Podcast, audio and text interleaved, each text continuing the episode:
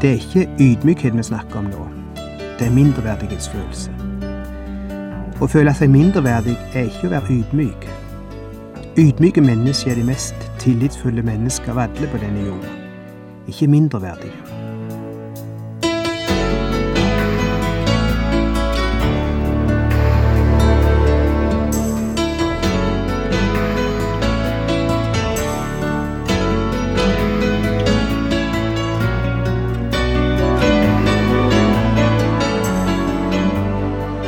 Hjertelig velkommen til et nytt program i serien Vindu mot livet.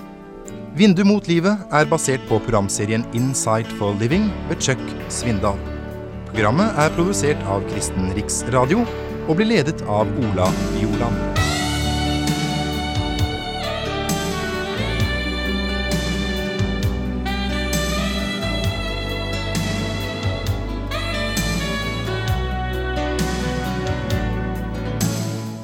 Har hørt det skal være nok energi i en menneskekropp til å øyelegge en hel by på størrelse av hele Norges befolkning. En vitenskapsmann fortalte om den energi som finnes i det menneskelige sinn. Han sa det slik. Det er nesten umulig å forklare dette, men den beste måten jeg kan forklare det på, er å si at hvis man kunne bygge en elektronisk computer som kunne gjøre alt det et menneskesinn kan gjøre, så ville denne computeren bli en bygning som var ett kvartal lang og ett kvartal brei, og ca. 22 etasjer høy. Kroppens og sinnets energi i et menneske er intet mindre enn fenomenal. Og da er det underlig å tenke på, som en kontrast til dette, hvor mange mennesker som gjemmer på mindreverdighetsfølelse og underlegenhetsfølelse. Mindreverdighetsfølelse står ikke alltid i forhold til intelligens og ressurser. Jeg la som en undersøkelse som viste at de med høy intelligens ofte er de som sliter med mindreverdighetsfølelse. Iallfall oftere enn de med lavere intelligens. De med låg intelligens, eller lav IQ som vi sier, de kjente ofte ikke til dette problemet, og det er interessant. Så mindreverdighetsfølelse er ikke nødvendigvis forbundet med låg intelligens. Det andre jeg la merke til, var at mindreverdighetsfølelse ikke alltid viser utenpå et menneske. Ofte blir mindreverdighetsfølelsen maskert på forskjellige måter. Jeg er ingen psykolog, og jeg skal prøve å holde meg unna det som ikke er mitt fag, men en ekspert sa en gang at det er mange måter å kompensere slike følelser på måter folk bruker for å dekke over sin mindreverdighetsfølelse på. Og en vanlig måte å kompensere dette på, er å spille overlegen. Den bråkete og støyende typen som alltid er ovenpå. Og det er faktisk ofte mange av nettopp disse som sliter med mindreverdighetsfølelse. Du vil ikke tro det når du ser de, og bare ser de utenpå, men Overlegenhetsmasker skjuler ofte et problem som en ikke skulle tro de sliter med. En framstående idrettsmann var med i ei bibelgruppe, og en gang spurte jeg han om han ville åpne bibelgruppa med bønn. Bare si ei enkel bønn. Han var en aktiv kristen, så det å be skulle ikke være noe problem for han, egentlig. Men aldri har jeg sett et menneske som har kjempa slik bare for å be ei bønn offentlig. Det var ikke noe stort møte, altså, det var bare ei lita gruppe med mennesker som var samla til bibelstudium. Og etterpå sa han til meg, kom hit litt, og jeg gikk bort til han, og han sa, vil du være så snill og aldri gjøre det en gang til. Og han var fremdeles blaut av svette i ansiktet og på skjortekragen. Han sleit med mindreverdighetsfølelse, og han fortalte meg det, og han sa at han, han jobba med problemet, men hadde fremdeles langt igjen før han kunne gjøre noe slikt som å si noe eller be når det var andre folk rundt han. En annen idrettsmann, en profesjonell basketballspiller i Amerika, sleit med det samme problemet. Han var som en bamse på banen, med all verdens sjøltillit. Men når han gikk av banen etter kampen, var alt blåst bort. Han var faktisk kaptein på laget ei stund, en aggressiv, sjølsikker spiller som virkelig drog de andre med seg i spillet. Men når han var tilbake til det normale hverdagslivet, så var han den typen som smyger seg unna, som håper å ikke bli sett, full av mindreverdighetsfølelse. Det er ikke alltid mindreverdighetsfølelse er synlig på utsida, og du ser faktisk mennesker i de mest framskytte posisjoner, som tilsynelatende utfører sitt arbeid og spiller sin rolle med den stø største selvsikkerhet. Men bak scenen sliter de med nettopp dette problemet som vi snakker om nå. Og med dette i bakhovet skal vi nå vende oss til en mann, 80 år gammel. I andre Mosebok kapittel 3 og 4 leser vi om han. En mann som du ikke ville ha trodd sleit med slike følelser. Men det gjorde han faktisk, Moses. Groen til at han følte seg mindreverdig her i kapittel tre, er at han hadde en mislukka bakgrunn. Skyldfølelse for noe han hadde gjort, slik som en føler ikke kan gjøres godt igjen. Og så går han gjennom livet og sliter og bærer på vekta av å være mislukka og, og vekta av skyldfølelse. Dette er Moses slik vi møter han i andre Mosebok kapittel tre. Han er myrda en mann i Egypt, og han er blitt sendt ut av Egypt og tilbake til en ukjent plass i Midiamørken, der han bodde sammen med sin svigerfar. Han er stifta familie, og han har nå fått to barn. Og nå er han en glemte mann, 80 år gammel. I 40 år har han holdt seg i skjul, borte fra offentligheten. Du kjenner sikkert, sikkert historien, slik som han står i andre Mosebok tre. Moses gjette småfe for svigerfaren Jetro, presten i Midiam. Da hendte det en gang at han drev fe over på den andre siden av ørkenen, og kom til Guds fjell Horeb. Der viste Herrens engel seg for ham i en flammende ild, som slo opp fra en tårnebusk. Og så ifra vers sju.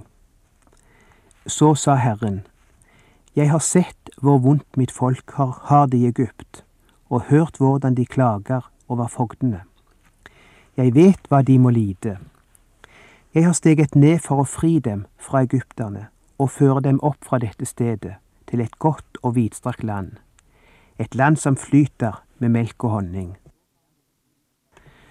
Og vers 9. Nå har nødropet fra israelittene nådd opp til meg, og jeg har sett hvordan egypterne plager dem. Så gå da, jeg sender deg til farao. Du skal føre mitt folk, israelittene, ut av Egypt. Og alt Moses hørte var, Jeg sender deg. Og det var alt han trengte å høre. Og straks begynte denne 80-årige helgenen å tenke på hvor uverdig og hvor ubrukelig og hvor mislukka han hadde vært, og fremdeles var og hvor underlegen han følte seg for en slik oppgave. Det er ikke ydmykhet vi snakker om nå, det er mindreverdighetsfølelse. Å føle seg mindreverdig er ikke å være ydmyk. Ydmyke mennesker er de mest tillitsfulle mennesker av alle på denne jord, ikke mindreverdige. Og nå svarer Moses i vers 11. Hvem er vel jeg? Kan jeg gå til farao og føre israelittene ut av Egypt. Og så tviler han på Gud. Han sier, Jeg kan ikke gå. Jeg er ikke kvalifisert. Og Gud sier, Jau, du er kvalifisert. Du kan gå. Og jeg skal være med deg. Nå skulle en tro at Moses ble overbevist og straks tok på seg oppgaven og gikk til Egypt, når han fikk slike ord fra Gud. Men han gjorde ikke det. Se på kapittel fire, vers én. Der finner du Moses og Gud i samtale igjen. Og Gud må presse Moses. Moses svarte, De vil vel ikke tro på meg og ikke høre på meg. Og så spør Herren i vers to, Hva er det du har i hånden? En stav, svarte han. Kast den på jorden, sa Herren. Så kastet Moses staven på jorden. Da ble den til en slange. Her demonstrerer Gud sin makt. Og Gud har lovt han si kraft. Få øynene bort ifra deg sjøl, Moses. Hvis jeg kan gjøre en stokk til en slange, og så etterpå gjøre slangen om igjen til en stokk, så kan, vel, så kan jeg vel òg forandre farao sitt hjerte. Men Moses er fremdeles ikke overbevist. Se på vers fire. Men Herren sa, Rekk ut hånden og grip den i halen. Så rakte han ut hånden og grep slangen. Da ble den til en stav i hånden hans. Nå må de vel tro at Herren, fedrenes Gud, Abrahams Gud, Isaks Gud og Jakobs Gud, har vist seg for deg, sa Herren. Og så videre i vers ti. Men Moses sa til Herren, Hør meg, Herre, jeg har aldri vært noen ordets mann, verken før eller nå etter at du begynte å tale til din tjener. Jeg har vanskelig for å tale og uttrykke meg. Ja, du kjenner det kanskje igjen her. Hvor ofte hører jeg ikke Nei, ikke spør meg, jeg er ikke flink nok til å ordlegge meg. Eller Jeg er ikke en type som vet hvordan jeg skal gjøre det der. Her sier Moses, Å nei, ikke spør meg, jeg kan ikke ordlegge meg. Dette har alltid interessert meg. Jeg tror det heller mange mennesker borte ifra eksempel å vurdere en oppgave i kyrkja eller i misjon. De tror de må være så veltalende. De tror de må være så flinke med moen. Og Gud sier til Moses, du trenger ikke være veltalende. Vers 11. Her, da sa Herren, hvem er det som har gitt mennesket munn? Hvem er det som gjør stum eller døv, seende eller blind? Er det ikke jeg, Herren? Gå nå, så skal jeg være med deg når du taler, og lære deg hva du skal si. Det er akkurat som Gud sier, jeg vil ta din svakhet, jeg vil bruke den, forandre den. Jeg vil gi deg de ordene du skal si. Men Moses er ennå ikke ferdig med å argumentere. Se på vers 13. Å Herre, send en annen, send hvem du vil. Og poenget finn en erstatter for meg. Egypt er full av utmerka folk, utmerka menn. Bruk en av dem. Han vil fremdeles ikke gå. Dette er altså et eksempel på en mann med mindreverdighetsfølelse. Men Gud gir han ikke opp. Er det ikke merkelig å tenke på at sjølveste Moses, det største mennesket som kanskje noen gang har levd, sjølveste grunnpilaren i Guds utvelgelse av mennesker, han var ikke så høy i hatten som du og jeg ofte tenker. Han smauk seg unna som en pusling da Gud ville ha han til å gjøre noe. Ikke meg, Gud. Kjære Gud, ikke meg. Jeg kan ingenting. Jeg kan ikke engang snakke for meg. Og så har jeg så mange nederlag og vonde opplevelser fra fortida å slite med. Jeg våger ikke å møte farao og de vellykka, sterke menneska der. Er du aldeles ifra sans og samling, Gud? Hva kan vel jeg stille opp med overfor deg? Jeg er jo ingenting. Har du hørt den før? Ikke tro at personene i Bibelen var så veldig annerledes, annerledes enn du og jeg. Ikke tro at de liksom var lufta over de små og store hverdagsproblemene som du og jeg sliter med. Ikke tro at Bibelens verden er så annerledes enn din verden. Vi kunne godt nevnt flere eksempler fra Bibelen. Ta Jeremia, for eksempel. Vi har gjerne den oppfatning at disse profetene i Det gamle sementet var supermennesker. At de aldri kunne føle seg mindreverdige, føle seg uskikka. Ja, sannelig gjorde de det. Au Jeremia, en av de største profetene i Det gamle stamentet.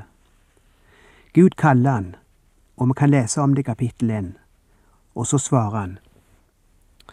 Å, Herre Gud, jeg duger ikke til å tale, jeg er så ung. Der har du det igjen. Jeg vet ikke hva jeg skal si. Samme som Moses. Så snart Gud har laks i hånd på en person, så tenker han, jeg kan ikke snakke for meg. jeg kan ikke tale. Som om det var den eneste måten Gud vil bruke oss på. Og så sier Gud til han, jeg vil bruke deg som profet. Og han svarer, jeg kan ikke snakke. Og du kan formelig høre hvordan knærne hans skjelver. Og han sier, jeg er så unge. Jeg er altfor unge. Og han visste at oppdraget innebar at han måtte gå til de, til de eldste mennene i landet. Og han, han, hadde ikke den rette kjæresma, den rette innsikten og diplomatiske evne som kunne overbevise dem.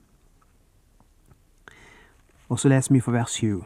Men Herren sa, si ikke at du er ung.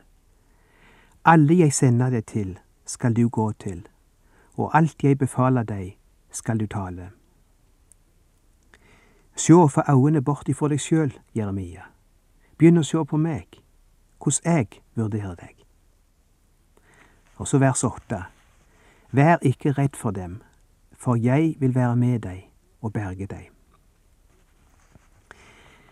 Jeg tror at det noe av forutsetning for mindreverdiges følelse er frykten og respekten for andre mennesker. Og Gud setter fingeren på det og sier, Jeremia, ikke vær redd for deg.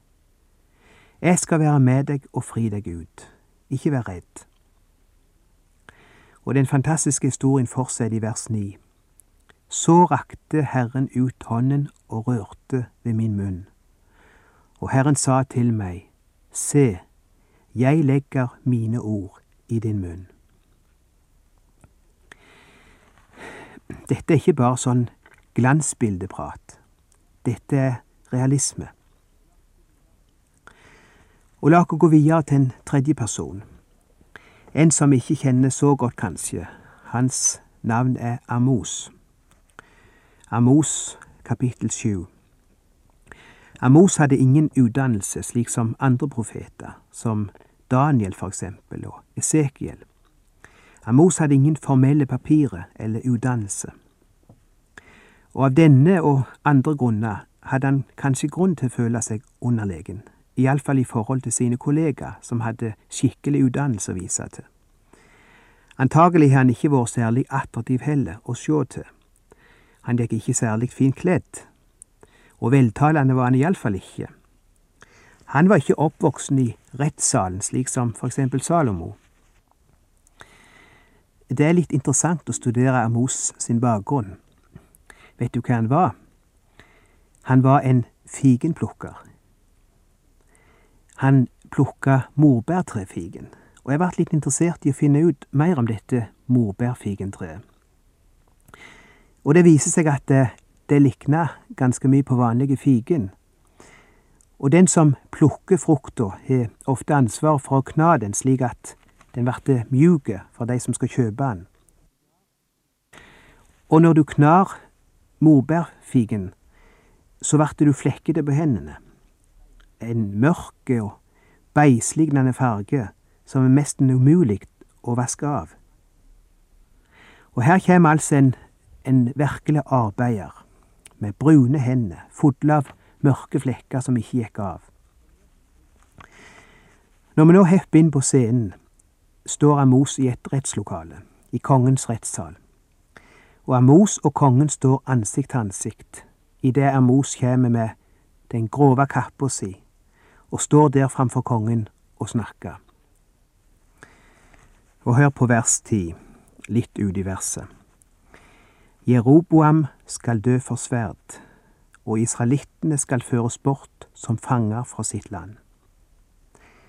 Dette var budskapet han gikk med. Og det var ikke akkurat noen oppmuntrende situasjon å stå framfor denne presten Amasha, blankpolerte, utsøkte, flott kledde, flytende språk, utsmykka, og framfor han står altså Amos med sine fura og slitte og brunflekka hender og Amos står der og ser på han. Og så står det i vers tolv. Amasja sa til Amos, gå din vei, du seer. Kom deg av sted til Juda. Der kan du ha ditt levebrød. Der skal du være profet. Da tok Amos til orde og sa til Amasja, Jeg er ikke profet, og hører ikke til noe profetlag. Jeg er gjeter og dyrker morbærfiken Men Herren tok meg bort fra saueflokken, og Herren sa til meg, Gå og vær profet. Vi skal snakke mye mer om Amos neste gang, eller om dette temaet. Men det som, det som jeg legger merke til her, det er at Amos legger vekt på hvordan Gud vurderer han. Her står en gjeter og en morbærplukker som i andre sine øyne ikke er noen ting. Men Amos vet hva han er verdt i Guds øyne, og han står der med en frimodighet og en tillit til seg sjøl som ikke engang den store Moses hadde. For det Gud hadde sett verdi på Amos. Og han bakker ikke tilbake om han står framfor store folk, ikke en tommeviken tilbake. Han sier, jeg ba ikke om denne jobben, jeg ble kalt av Gud, og det forstår jeg her. Jeg har ingenting å vise til annet enn kall for Gud, og det Gud har sett meg til, og det er en verdi, verdi Gud har gitt meg. Nå har jeg pressa dette til det ytterste, jeg er klar over det, men poenget er så klart. Når dine øyne er vendt mot deg sjøl, mot dine svakheter, mot det du ikke kan, og det du ikke er, da vil du ikke komme deg ut av senga om morgenen hvis oppgaven er vanskelig. Men hvis du kunne klare å liksom rette blikket på Gud, og det Han sier om deg, og det kallet og den oppgaven Han gir deg, da kunne du stege ut i livet med en helt annen frimodighet. Og du kunne mestre oppgaven, akkurat som en mos. Hva du enn møter, kan du klare det, når Gud har sagt det.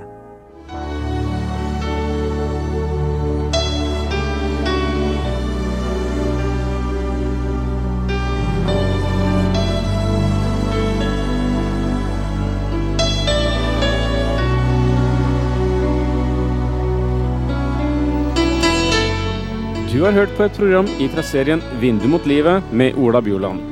Dette programmet kan du også høre på våre nettsider p7.no.